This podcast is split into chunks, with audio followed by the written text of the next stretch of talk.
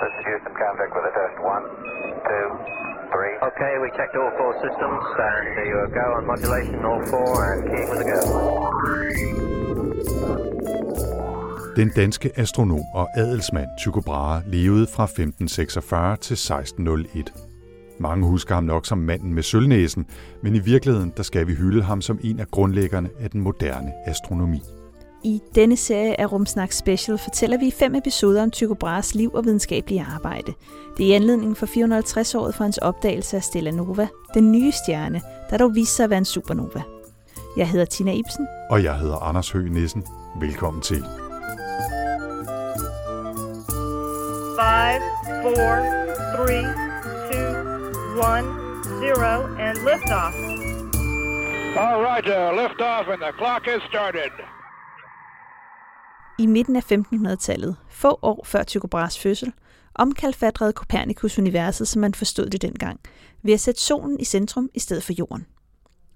Tycho Brahe var dog ikke sådan lige til at overbevise.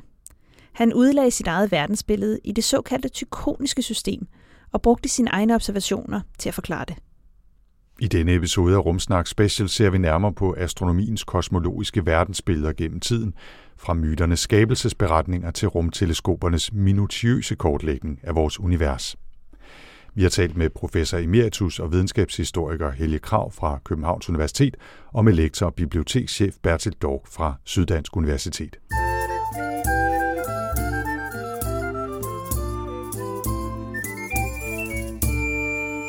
Vi skal altså se nærmere på verdensbilleder gennem tiden.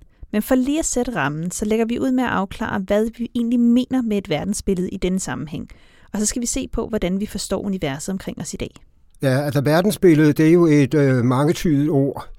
I den her sammenhæng, der tænker jeg og taler om den fysiske eller virkelige struktur af verden, for, hvor verden skal forstås i begrebet eller ordet universet i det størst mulige betydning.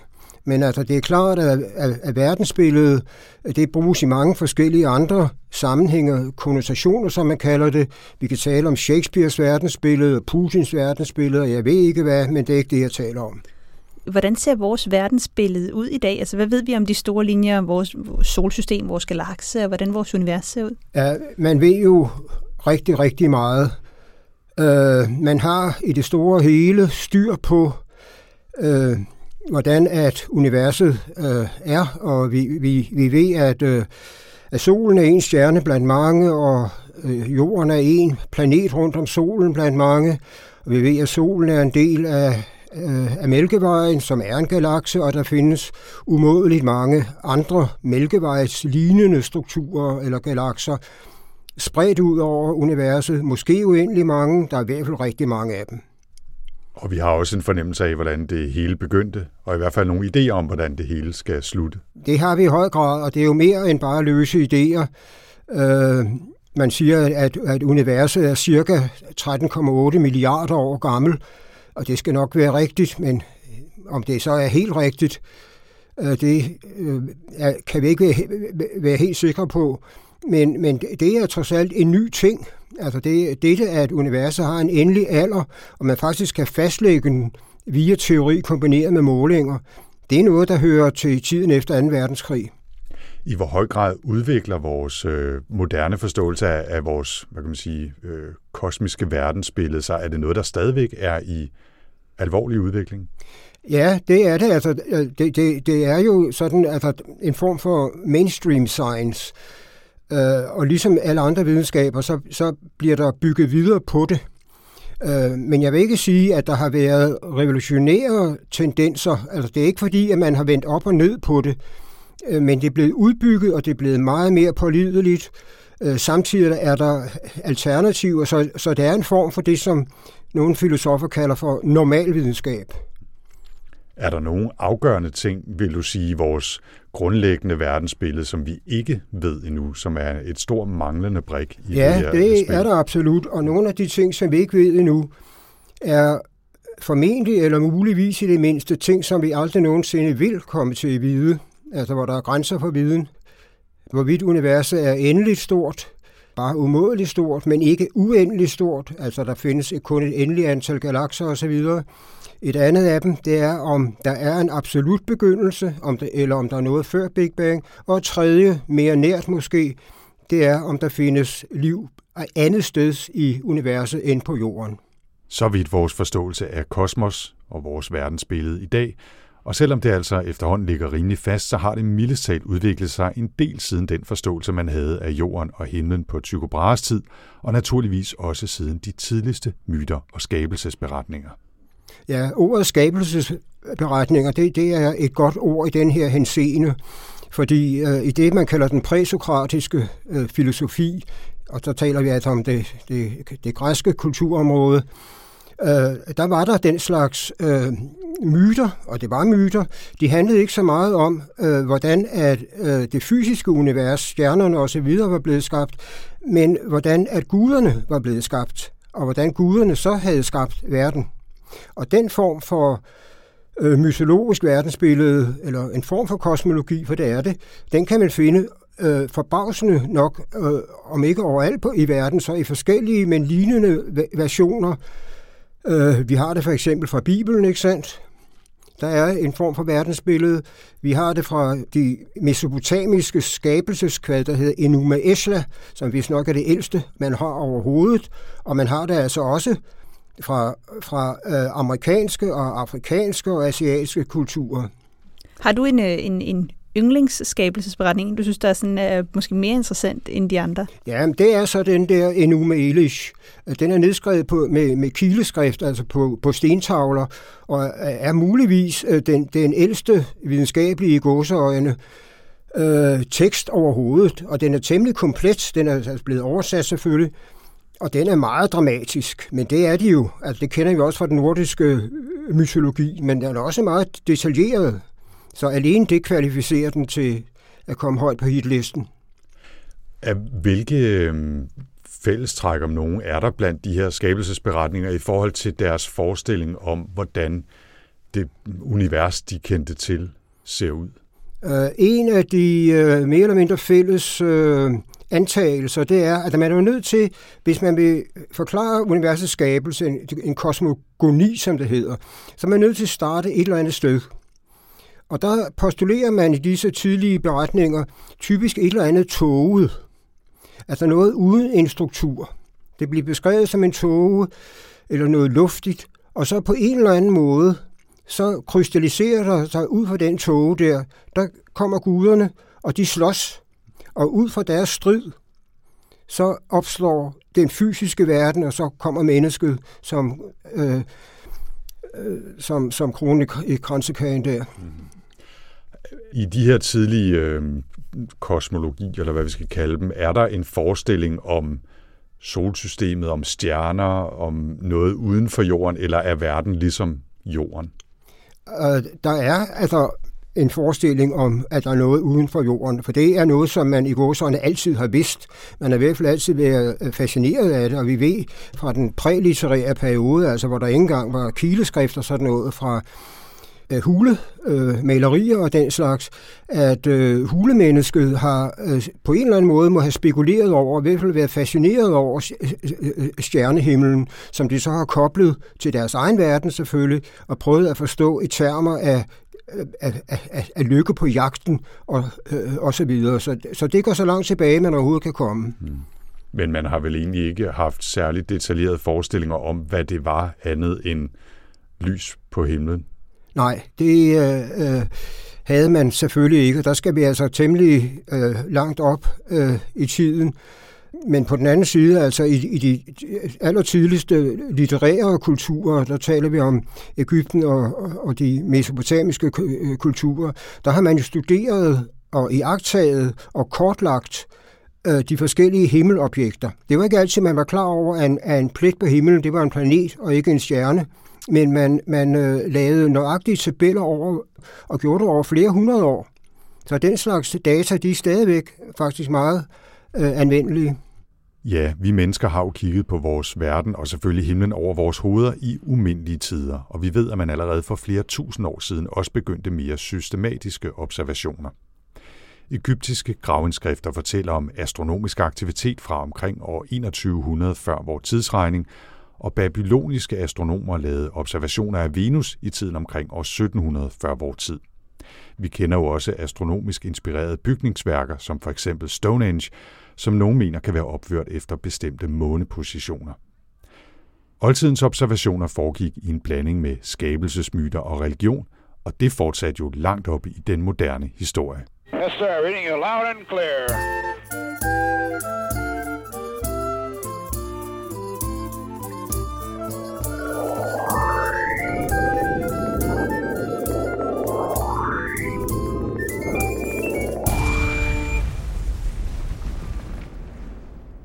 Fra de tidligste skabelsesberetninger, nogle endda fra før skriftsprogets fremkomst, springer vi så frem til grækerne Aristoteles og Ptolemæus, der i højere grad forsøgte at sammenholde de ting, man kunne se omkring sig, med idéerne om, hvordan verden hang sammen. Det betød dog ikke, at man konstruerede et verdensbillede, der præcis ligner vores i dag. Man havde jo først og fremmest kun meget begrænsede instrumenter til rådighed, og manglede i øvrigt en hel masse omkringliggende forståelse af naturlovene og vores fysiske verden. De øh, Øh, besluttede sig til, at hvis man skulle beskrive naturen og universet, så skulle man gøre det på en naturalistisk måde. Og det vil sige, at man beskriver naturen ud fra hændelser i naturen, der kan, i princippet kan iagtages. Det betyder også, at guder, de er persona non grata. Man kan ikke bruge dem længere til at beskrive. Og, og det, det peger jo fremad mod en, en, en, en naturvidenskab. Og, og, og det ser man klart hos Aristoteles, der var su, suverænt var den vigtigste tænker, måske nogensinde i, i det historien. Han henviser ikke til guderne, han prøver i og for sig ikke at forklare verden, øh, men han prøver at beskrive den. Stjernerne, planeterne især, stjernerne kunne de ikke rigtig gøre noget ved, de var der bare. Øh, men planeternes bevægelse i overensstemmelse med observationer. Så vi har sådan prototypen på, hvad der er videnskab på den tid – nemlig at udvikle teorier, der er i overensstemmelse med øh, observationer. Ja, det lugter jo noget mere af den måde, vi tænker og arbejder ja. på i dag end det tidlige. Og hvis vi bliver lidt mere konkrete, altså hvad bestod deres forestillinger om, om verden i? Altså jorden svævede i noget, eller stod på noget, og hvad, hvad var planeterne rundt om osv.? Altså hvor meget ved vi om deres forestilling om det? Jamen, det ved vi vældig meget om, blandt andet fordi at alle Aristoteles' skrifter, eller næsten alle, er, er bevaret, og de er blevet diskuteret endevendt igennem flere århundreder, så vi kender, vi ved alt om hver det kommer. Øh, og øh, Aristoteles' verdensbillede, og i det hele taget det anerkendte verdensbillede, det var geocentrisk. Det betyder altså, at jorden er i midten af universet, og man behøver ikke spørge, hvorfor den er i midten, fordi det er den nærmest per definition. Øh, og så alle de forskellige himmellegemer, de drejer rundt om jorden. Men øh, en, en, en meget væsentlig ting hos Aristoteles, øh, som vi ikke længere tror på, jo, det er, at øh, den jordiske sfære, den går op til månen. Men på den anden side af månen, det er det, vi, han kaldte himlen, og det vil sige planeter, stjerner selvfølgelig osv. der, er fuldstændig anderledes end, end det jordiske. Så fysikken, den gælder op til månen. På den anden side af månen, der er verden anderledes. Den består af forskellige øh, øh, stoffer, og den er øh, ikke underlagt de samme love. Nu siger du, at, at verden gik op til, til månen. Hvad med sådan noget som for eksempel kometer og stjerneskud og sådan nogle fænomener? Hvor, hvor mente man, de lå henne? Ja, men de måtte øh, høre til i den atmosfæriske del, det vil sige den del, der går fra jordoverfladen og så op til månen. Og grunden til, at de måtte det, det var jo fordi, at det var et postulat hos øh, Aristoteles og hans, hans efterfølgere, at, at, at himlen er uforanderlig. Der kan umuligt være nyt på himlen. Den er evig, og så videre der. Og når man så i tager noget på himlen, som en komet for eksempel, ja, så er det jo et tegn på, at den hører til i den jordiske sfære, og ikke i den himmelske. Okay, så det var simpelthen det foranderlige og uforanderlige, der var den store forskel på de to sfærer, eller? Ja, ja. Øh, det var det. Det var også derfor, man var nødt til, eller Aristoteles og, og hans følgere der, de var nødt til at postulere, at de elementer, eller grundstoffer kan vi kalde dem, som jorden består af, de findes ikke.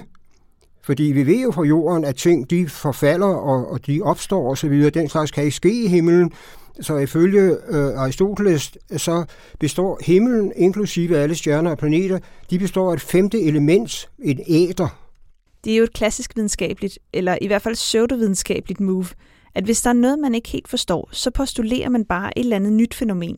En matematisk konstant, en naturkraft eller en særlig form for stof, som skal få det hele til at hænge sammen. Således også med æderen. En form for usynlig og rummelig substans, et femte element, der fyldte hele universet. Det kan vi så måske grine lidt af i dag, men vi skulle faktisk helt op i 1800-tallet, før æderteorien for alvor blev forkastet. Men tilbage til historien. Vi forlader de gamle grækere i århundrederne lige omkring år 0 og hopper frem til 1500-tallet, hvor vi møder Nikolaus Kopernikus, den polske astronom, der normalt krediteres for at have flyttet den kendte verdens centrum væk fra jorden og gøre solen til altings midte. Og der hører det lige med til, øh, til historien, at øh, ideen om, at det er solen, der er centrum i universet, og ikke jorden, den fandtes hos grækerne. Der var en græsk matematiker, der Aristark, der eksplicit havde gjort opmærksom på det, og den var i og for sig velkendt blandt de græske filosofer, men det led af forskellige mangler, og den blev i det væsentligste glemt igen. Så vi skal op der i midten af 1500-tallet, før at øh, Copernicus lancerer, han publicerer sit berømte værk med titlen De Revelationibus, øh, der unægteligt er en, en milepæl, ikke kun i videnskabshistorien, men i høj grad også i øh, idé- og kulturhistorien.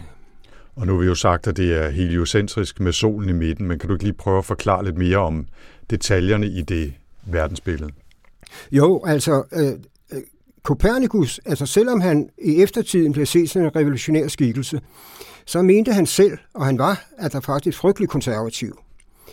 Øh, han ønskede ikke at, øh, at gøre op med det klassiske verdensbillede. Han ønskede at forfine det. Så han holdt fast ved øh, postulatet om, at himmellægerne bevæger sig i cirkler, og kun i cirkler. Han holdt også fast i ideen om, at universet er endeligt, og at alle stjernerne de befinder sig på sådan en, en, en kugleflade langt, langt væk, men han, han lavede altså den øh, fundamentale, trods alt, ændring, at øh, jorden er ikke, øh, det, den er ikke stationær, den, er, den har to bevægelser, den drejer rundt om sin akse en gang i løbet af et døgn, og så drejer den i løbet af et år rundt om øh, den stationære sol, som Copernicus vel at mærke gjorde meget ud af at hævde også var stationær. Altså solen kunne ikke selv have nogen bevægelse. Jeg kan ikke lade være med at tænke på, øh, og det kan være, at det er en tangent, ikke? men at hvis man forestiller sig, at stjernerne sidder på indersiden af en, af en kugleformet flade, en, en, ja, en bold i virkeligheden, som omslutter os, som vi er centrum i, eller som solen er centrum i. Man må jo spørge sig selv, hvad er der så udenfor, eller på den anden side? Er det stadigvæk forestilling om himlen, der er på den anden side af det, eller hopper man bare behendigt hen over at tage øh, den diskussion? Mange astronomer de hoppede behendigt hen over det, eller rettere sagt, de besluttede sig til, at det hørte ikke til deres gebet. Det hørte til teologernes gebet. Men øh, standardopfattelsen, helt op til, ja, måske omkring 1700, øh, det var jo, at på den anden side af stjernehimlen, øh, der havde man firmamentet, og så øh, aller yderst, kan man sige, der havde man noget, en ikke-fysisk verden, altså det, som vi kalder himlen. Paradiset lå der typisk. Man havde også plads til, til helvedet. Det lå så typisk nede på jorden. Øh, men altså, senest omkring midten af 1600-tallet, der øh, lavede man sådan, altså teologer og, og, og videnskabsfolk, de lavede sådan en, en deal, at øh, teologerne de kunne beskæftige sig med det på den anden side af stjernerne, det var okay, men astronomerne de var nødt til at beskæftige sig med det, der så selv kunne observeres. Hvis vi lige øh, holder fast i den bare et øjeblik, altså den her, det her forhold mellem teologien og, og videnskaben, hvad var forholdet mellem de to verdensopfattelser? Kunne de forliges? Øh, var, var videnskaben underkastet øh, religionen? Hvad, hvad var forholdet mellem de, de to måder at anskue verden på? Ja, ifølge en hårdnørdig my- my- myte, så var øh, videnskaben underordnet øh, religionen. Men det er langt mere korrekt at sige, at de to opfattelser, de øh, udviklede sig harmonisk, og at øh, den videnskabelige opfattelse af universet stod i gæld til den øh, kirkelige eller, eller øh, teologiske opfattelse, og der ikke var nogen øh, kontrovers før at øh, Galileo, øh, der var tilhænger af Copernicus, han kom i alvorlig klemme øh, i forhold til den katolske kirke. Men det skyldes i al væsentlighed at der ydre faktorer. Så at, at hævde, at, øh, at der er en fundamental, altså en historisk øh, modsætning mellem øh, naturvidenskab generelt og astronomi specielt, og så de kirkelige autoriteter, det er simpelthen forkert. Så det har været mere et, et samarbejde, men ligesom har sagt, vi, vi tager det her, I tager det her, og så lever vi fint side om side. Altså, ja, ja, og så skal man jo også huske på, at øh, i 1500- og 1600-tallet, der var så at sige alle lærte, nej ikke alle, men måske 90 procent af alle lærte, de var, te, de var om ikke teologer, så var de, øh, ki, øh, øh, de var i kirkens tjeneste. De kunne være jesuiter, eller de, de kunne øh, være protestantiske præster, så altså, den der grænse mellem at være præst, teolog og så være naturforsker eksisterede ikke. Okay, it's a nice ride up to now.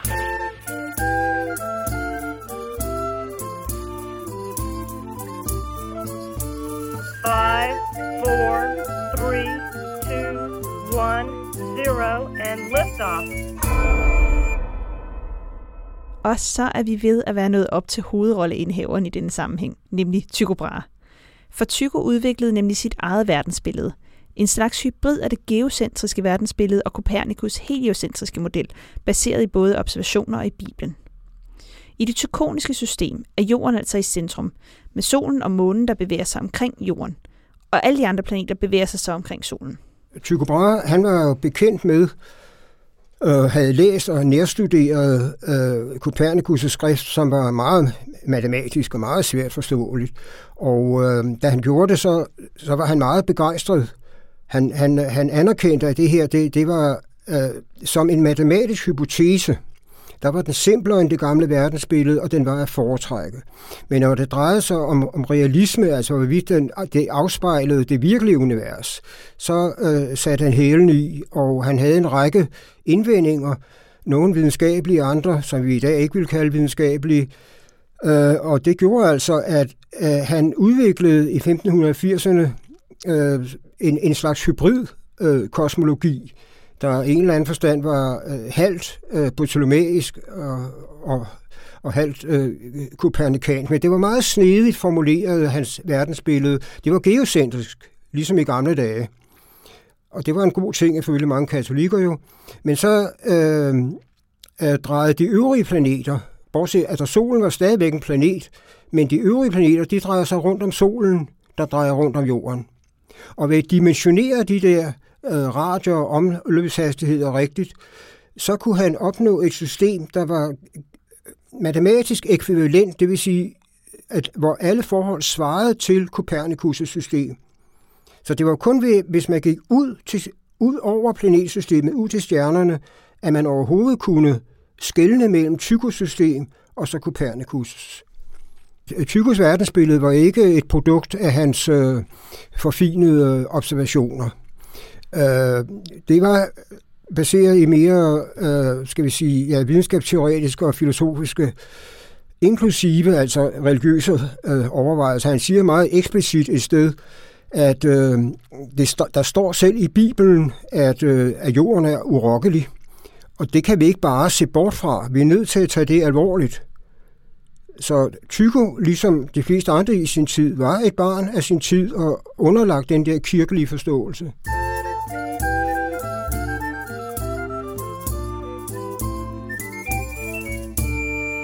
Det kan måske være lidt svært at se det tykoniske system for sit indre blik, så lad os lige prøve at se på det i lidt flere detaljer. Hvis vi starter fra midten, så har vi altså vores planet Jorden i centrum af alting. Umiddelbart rundt om Jorden svæver månen, vores egen satellit. Så langt, så godt. Men så begynder det altså også at blive lidt mere kompliceret. For ud over månen, så bevæger også solen sig rundt om jorden i et fast omløb som endnu en satellit.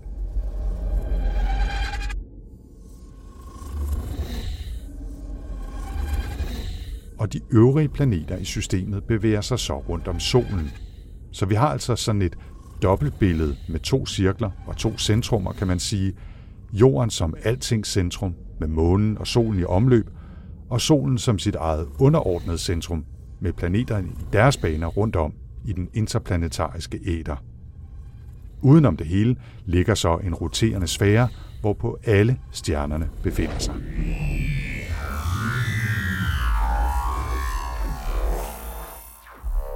Tycho Brahe præsenterede sit verdensbillede i 1588. Og selvom han bestemt også var styret af kristendommens grundsætninger om verdens opbygning, så var stjerneobservationerne også med til at underbygge det tykoniske system, mente han. Hvis jorden bevæger sig rundt om solen, skulle man i løbet af et år måle en vinkelforskydning, altså en såkaldt parallakse af stjernerne. Altså fra jordens forskellige positioner i sin bane omkring solen, der kunne man måle forskellige vinkler til stjernerne. Tycho Brahe kunne ikke med sine ellers præcise instrumenter måle sådan en vinkelforskydning. Og på baggrund af det forkastede han så altså det fulde heliocentriske system. Det kunne faktisk slet ikke passe, mente Tycho Brahe, som ikke kunne forestille sig, at Guds univers mestendels skulle bestå af tomt rum. Så den logiske forklaring, i stedet for at stjernerne ligger utrolig langt væk, må det altså være, at solen bevægede sig rundt om jorden, og at alle de andre planeter så bevægede sig rundt om solen. Men Tycho tog fejl, for som vi naturligvis ved i dag, så er det jorden, der bevæger sig rundt om solen, uanset om han ville det eller ej.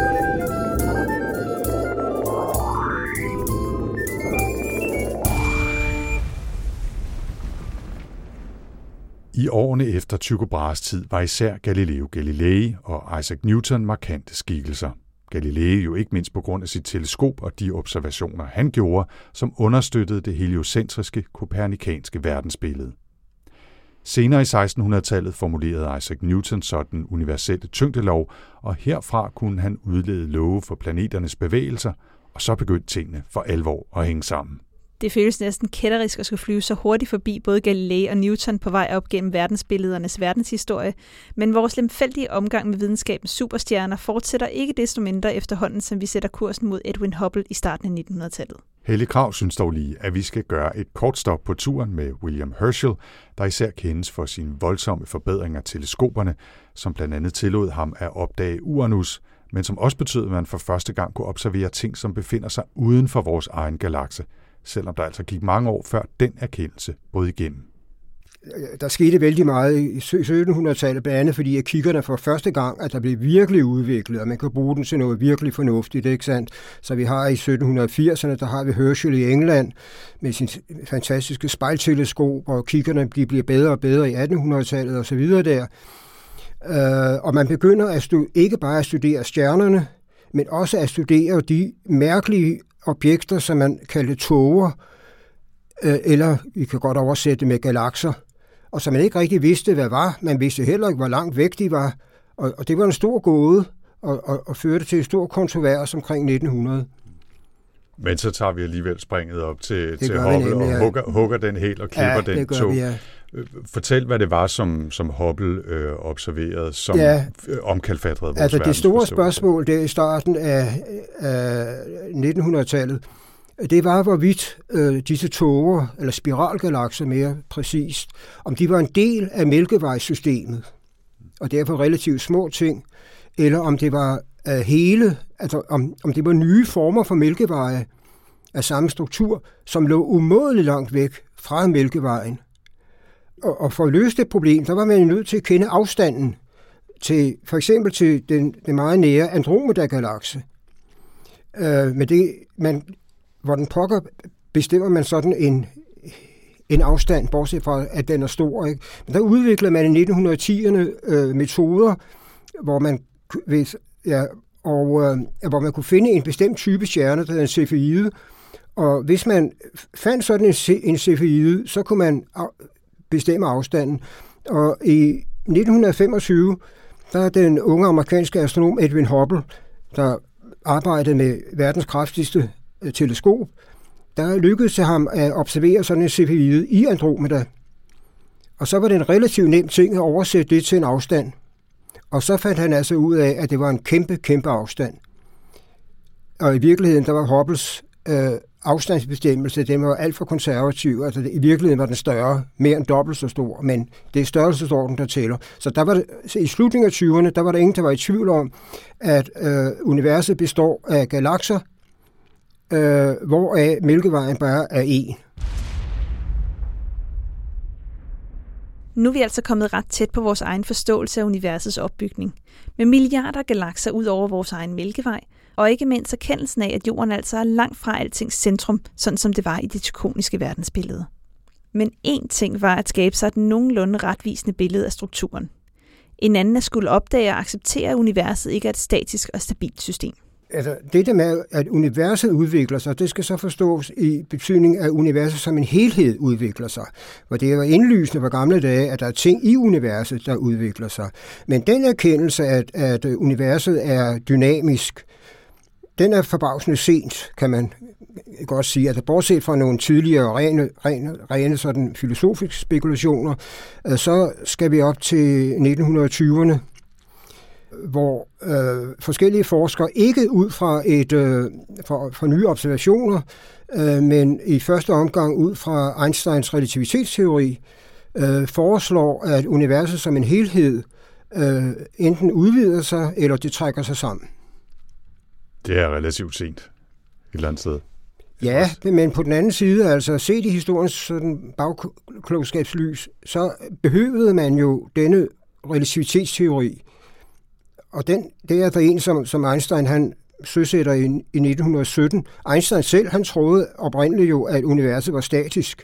Det udviklede sig ikke på nogen måde der, men andre matematikere, der undersøgte hans ligninger nærmere, de nåede frem til den mulighed, at det kunne udvide sig eller trække sig sammen. Om det så var noget virkelig noget, så er det, at Hubble kommer tilbage i billedet, om jeg så må sige. Fordi hans data fra 1929 var det, øh, var i overensstemmelse med, at universet faktisk udvider sig.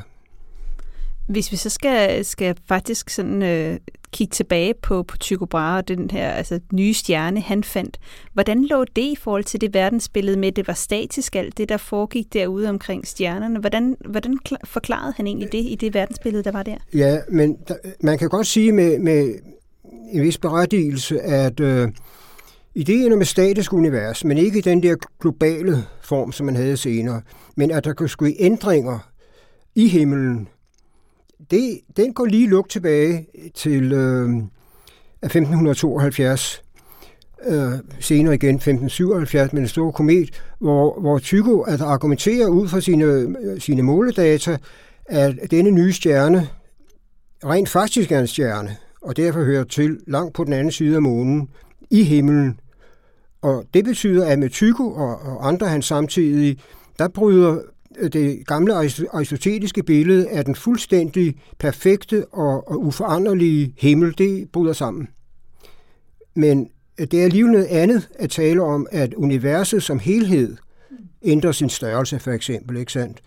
Øhm. Ja, så de åbnede op for, at der egentlig godt kunne ske ændringer her, men det var sådan små ændringer, og ikke noget på, på den sådan større størrelse, eller universet kunne ja, skifte ja. Øh, størrelse og så videre. Ja, ja. Og senere, altså efter øh, Tycho for eksempel, der, der bliver hans ind, øh, oprindelige indsigt, den, den bliver jo altså, nærmest opfattet som naturlig. Altså, det er klart, selvfølgelig, ikke sandt? Og, og des bedre kigger der man får, des bedre evidens får man, at, at, at galakserne selv, altså de heller ikke statiske objekter, de ændrer sig også, og man begynder at kunne øh, studere dem, lyset fra galakserne. Og det er der begyndelsen på astrofysikken. Okay, it's a nice ride up to now.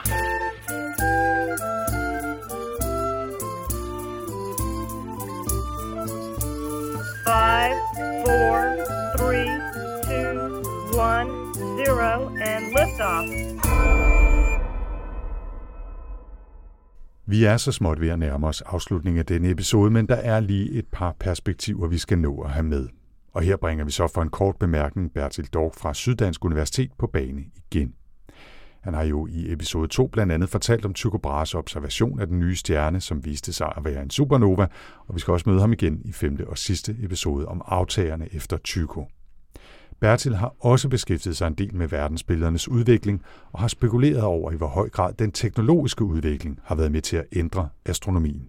Den har jo ændret sig rigtig meget også kvæg noget af Tycho Brahes arbejde selvfølgelig fra at være meget filosofisk til at være drevet af teknologi. øh, og, øh, og videnskabelige metode, kan man sige. Så, så det har ændret sig meget over de 450 år siden, øh, siden Tycho Brahe så sin supernova, øh, til at teknologien er jo en enorm vigtig del af at kunne bedrive astronomisk videnskab den dag i dag. Tycho Brahe lavede jo sine instrumenter, og med nutidens øjne er de måske relativt øh, simple, men så er der sket en masse udvikling, teleskoper og forskellige øh, andre astronomiske instrumenter op til i dag, hvor vi jo har, ja, James Webb bliver vi jo nærmest nødt til at nævne, når Tina er i studiet. Ikke? Altså, hvilken rolle spiller teknologien for, for astronomien og dermed måske også vores verdensbillede? Jamen, teknologien og, og kan man sige, udnyttelse af teknologien ændrer kan man sige, hvad, hvordan det er, vi kan opfatte verden. Altså, øh, teknologien er et udtryk for udvidelse af vores sanser, kan man sige øh, til, til noget, der ligger langt væk fra vores hverdag, men hver gang vi rykker øh, et skridt teknologisk, så rykker vi også vores mulighed for at sanse og opdage øh, ting ud i verden, som vi ikke øh, kendte til før.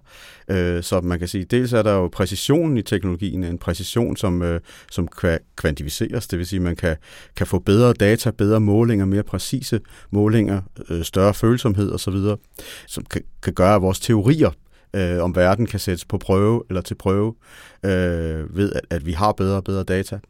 Men der er også bare det, at vores erkendelse kvæg vores sanser så rykkes teknologisk ved hver eneste gang, der er et lille skridt fremad i teknologien. Og der, jeg tror, der er en, øh, en slags symbiose, eller en, øh, kan man sige, en, øh, en vekselvirkning mellem, øh, hvordan vi erkender verden kvæg teknologien, og hvad vi ønsker, at, at, at teknologien skal kunne, ved at vi jo også skal man sige, skubber på den teknologiske udvikling for at kunne få bedre og bedre data, for at kunne teste vores teorier om verden og alting, er både på det helt lille plan, øh, altså det mikroskopiske, øh, kvanteplanet og, og på de aller, aller største øh, skalaer. Og Helge Krav er mest dels enig med Bertil Dork i vurderingen af de astronomiske instrumenters indflydelse på verdensbilledet. Men udover de måske mest nærliggende instrumenter som kvadranter og teleskoper, så vil Helge dog også lige slå et slag for spektroskopet. Det har nemlig tilladt os at måle grundstoffer i fjerne stjerner, og som i dag også er en uvurderlig del af astrofysikken. Samtidig understreger Helge også, at nogle af de mest omkalfatrende udviklinger af vores verdensbillede ikke er sket som en direkte konsekvens af ny teknologi eller nye observationer, men som det man kunne kalde filosofiske skrivebordsøvelser. Og den betragtning giver sig anledning til at slutte af med intet mindre end en opsummering af astronomiens udvikling frem til i dag. Astronomi var oprindeligt og helt op til 1800-tallet, godt stykke op, en matematisk videnskab. Øh, selvfølgelig med hensyn til, til observationer, men det, at man kunne forstå himmellegemerne i en fysisk eller kemisk forstand, det var altså, utænkeligt, og det var nærmest altså, en krænkelse af deres, der, deres uh, hellige status. Altså, selve begrebet om en astrofysik og endnu mere astrokemi, altså Aristoteles ville selvfølgelig have rystet på hovedet, og, og det ville astronomer helt op til, til starten af 1800-tallet også gjorde, og de gjorde det, at de rystede på hovedet og sagde, at vi vil aldrig nogensinde komme til at vide noget om stjernernes fysik. Fordi det betyder, så skulle vi jo tage det op til stjernerne og tage et lille stykke af stjernerne og tage hjem til jorden og analysere det.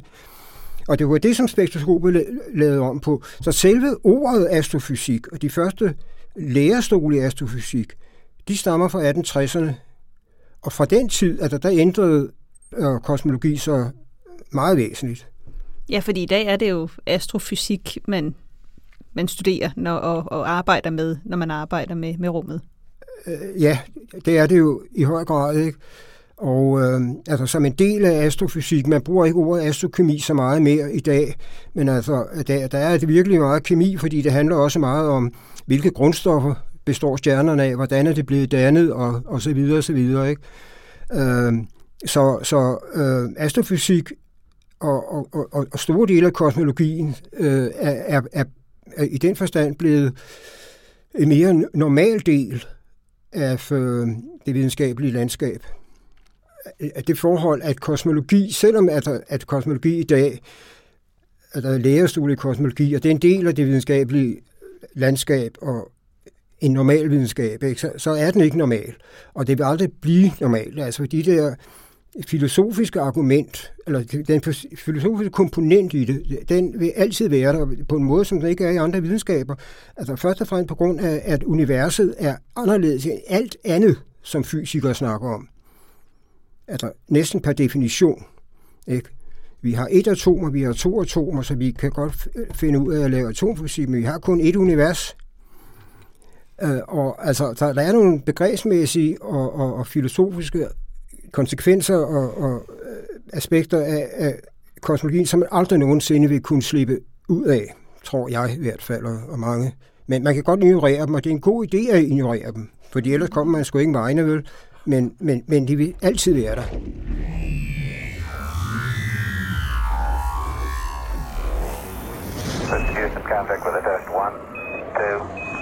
Okay, we checked all four systems and there you go on modulation, all four, and keying with a go.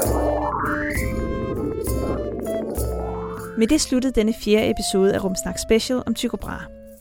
Denne gang medvirkede professor emeritus Helge Krav fra Niels Bohr Instituttet og lektor og bibliotekschef Bertil Dork fra Syddansk Universitetsbibliotek.